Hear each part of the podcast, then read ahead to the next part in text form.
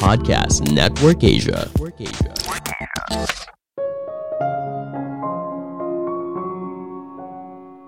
Menjadi produktif itu bukan soal manajemen waktu, tapi bagaimana bisa mengatur perhatian kita pada hal yang penting.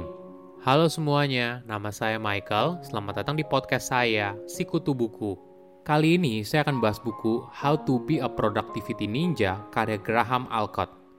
Sebelum kita mulai, buat kalian yang mau support podcast ini agar terus berkarya, caranya gampang banget. Kalian cukup klik follow Dukungan kalian membantu banget supaya kita bisa rutin posting dan bersama-sama belajar di podcast ini. Buku ini membahas bagaimana menjadi produktif di era modern. Mungkin kita belajar kalau untuk jadi produktif, kita harus belajar soal manajemen waktu. Tapi hal ini kurang tepat. Bagaimana kalau kita tidak fokus ke manajemen waktunya, tapi fokus membuat perhatian kita pada hal yang sedang kita kerjakan? Pola pikir ini akan mengubah cara pandang kita soal produktivitas Ingat, menjadi sibuk itu bukan tandanya kamu kerja. Bekerja itu harus ada hasilnya, bentuknya seperti apa, atau pencapaian apa yang sudah dihasilkan. Jadi boleh dibilang, waktu yang panjang seharusnya jangan jadi tolak ukur produktivitas seorang. Saya merangkumnya menjadi tiga hal penting dari buku ini. Pertama, menjadi productivity ninja. Banyak orang sering mengeluh kalau hidup mereka tidak produktif. Mereka ingin menjadi orang yang super produktif dan mampu mengerjakan semua hal dengan baik. Namun perlu disadari, kita tidak akan jadi sempurna. Sangat sedikit sekali orang yang bisa mengikuti jadwal yang sudah mereka tetapkan sebelumnya dengan sempurna. Penulis memberikan perumpamaan kalau kita bisa belajar produktif seperti seorang ninja atau dikenal sebagai productivity ninja. Jadi productivity ninja itu seperti apa? Seorang ninja itu harus bersikap tenang, Bahkan ketika jadwalnya sangat padat, ninja selalu tenang dan selalu berusaha menentukan prioritas satu persatu. Selain itu, ninja itu kejam. Jadi dia bisa menolak tugas atau pekerjaan yang tidak sesuai dengan tujuan besarnya. Dia juga bisa menghindari interupsi atau gangguan yang tidak berguna. Keahlian ninja yang lain adalah ahli dalam menggunakan senjata. Namun dalam soal produktivitas, bukan pedang atau pisau, tapi memahami soal alur kerja dan manajemen waktu yang baik. Kualitas lain dari seorang ninja adalah jago beradaptasi. Dia mampu mengerjakan banyak hal dengan efisien dan tahu kapan harus pindah dari satu pekerjaan ke pekerjaan lainnya. Namun di luar dari semua kehebatannya, ninja itu tidak sempurna. Kadang tugasnya tidak selesai sesuai deadline, lupa mengerjakan sebuah tugas, atau menghabiskan waktu seharian untuk main media sosial. Hal ini tidak apa-apa karena fokus ninja bukanlah untuk jadi sempurna, namun konsistensi. Jadi gimana menurut kamu? Apakah kamu siap untuk jadi productivity ninja?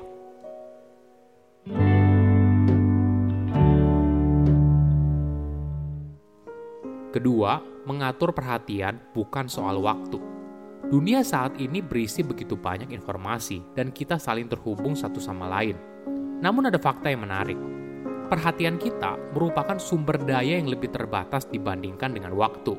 Jadi sebenarnya kunci produktivitas adalah bagaimana kita mengatur apa yang kita perhatikan daripada manajemen waktu. Contohnya gini, pernah nggak kamu di sore hari tapi masih banyak pekerjaan yang harus kamu kerjakan? Kamu masih punya waktu untuk mengerjakannya, tapi pasti kerjain tidak ada ide yang keluar. Kamu cuma ngelamun aja. Dalam kondisi itu, kamu sedang kehabisan perhatian untuk bisa bekerja bagi penulis, perhatian seseorang itu ibaratnya sebuah uang yang terbatas. Jika kamu menghabiskan 80% perhatian kamu pada meeting yang tidak produktif, maka jangan heran kamu tidak punya energi yang cukup untuk menyelesaikan pekerjaan yang penting. Manusia biasanya punya tiga jenis perhatian, proactive attention, active attention, dan inactive attention. Kita bahas satu persatu ya. Proactive attention adalah ketika kamu sedang fokus banget. Ibaratnya kamu sedang terhanyut pada apa yang sedang kamu kerjakan saat itu. Tanpa sadar, waktu berlalu begitu cepat. Ini adalah momen langka dan sangat berharga. Kedua, active attention. Ini adalah momen ketika kamu sedang bekerja tapi kadang masih suka mudah terganggu. Perhatian kamu kadang mulai teralihkan tapi kamu masih bisa mengerjakan tugas. Terakhir adalah inactive attention ini adalah kondisi di mana kamu masih punya banyak pekerjaan, tapi kamu tidak punya energi untuk mengerjakannya. Setiap orang punya grafik perhatiannya sendiri. Ada yang merupakan morning person, jadi di pagi hari tingkat perhatiannya sangat tinggi, namun siang ke sore hari terus menurun. Ada juga yang berbeda. Mungkin saja di pagi hari tingkat perhatian kamu rendah, namun siang menuju sore kamu sangat fokus. Kuncinya adalah bagaimana kamu bisa mengatur jadwal untuk mengerjakan hal yang paling penting di saat fokus kamu sangat tinggi.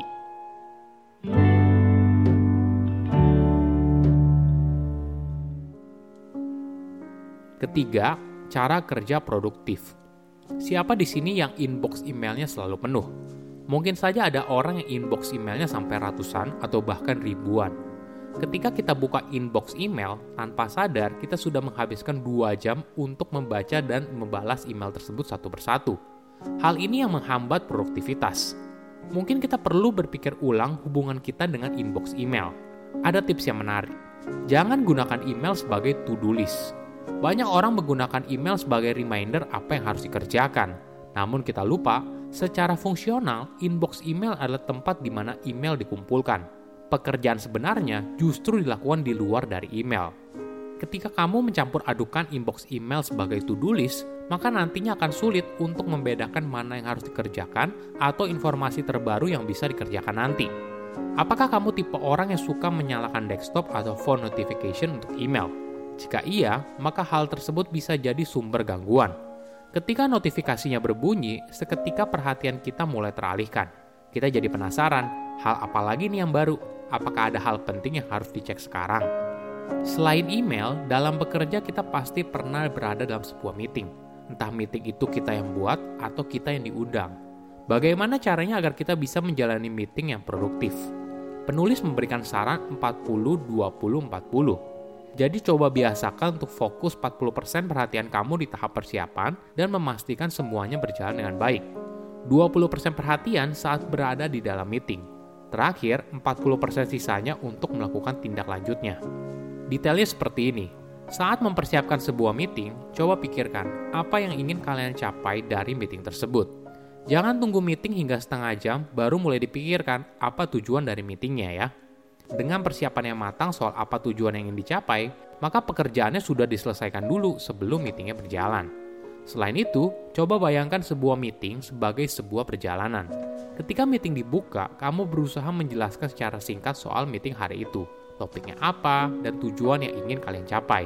Kemudian, di fase pertengahan adalah fase eksplorasi, di mana akan ada diskusi, pertanyaan, dan mulai terbentuk sebuah kesepakatan di akhir sebuah pertemuan harusnya ada sebuah keputusan yang ingin diambil atau kesepakatan soal langkah apa yang ingin diambil.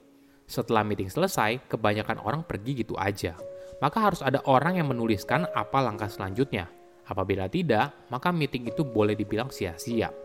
Jangan lupa juga, kamu perlu menuliskan deadline kapan setiap orang harus berkontribusi untuk menyelesaikan pekerjaannya. Oke, apa kesimpulannya? Pertama, Produktif itu bukan soal manajemen waktu.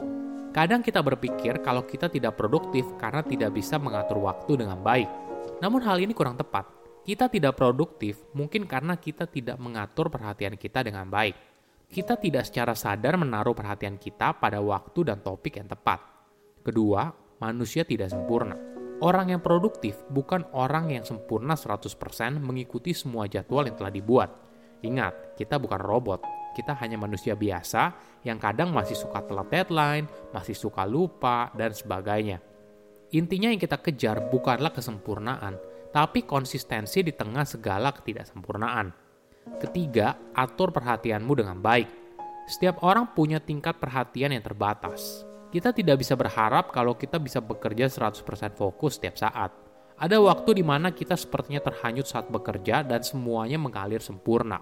Namun ada saat juga di mana di tengah deadline-nya padat, tapi nggak ada ide yang keluar. Ini adalah hal yang normal. Kita perlu tahu kapan waktu di mana perhatian kita sedang berada di level tertinggi, lalu gunakan waktu tersebut untuk mengerjakan hal yang paling penting.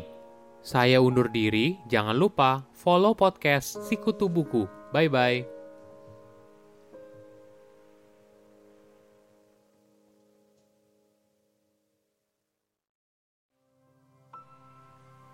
Pandangan dan opini yang disampaikan oleh kreator podcast, host, dan tamu tidak mencerminkan kebijakan resmi dan bagian dari podcast Network Asia. Setiap konten yang disampaikan mereka di dalam podcast adalah opini mereka sendiri dan tidak bermaksud untuk merugikan agama, grup etnik, perkumpulan, organisasi, perusahaan, perorangan, atau siapa pun dan apa pun.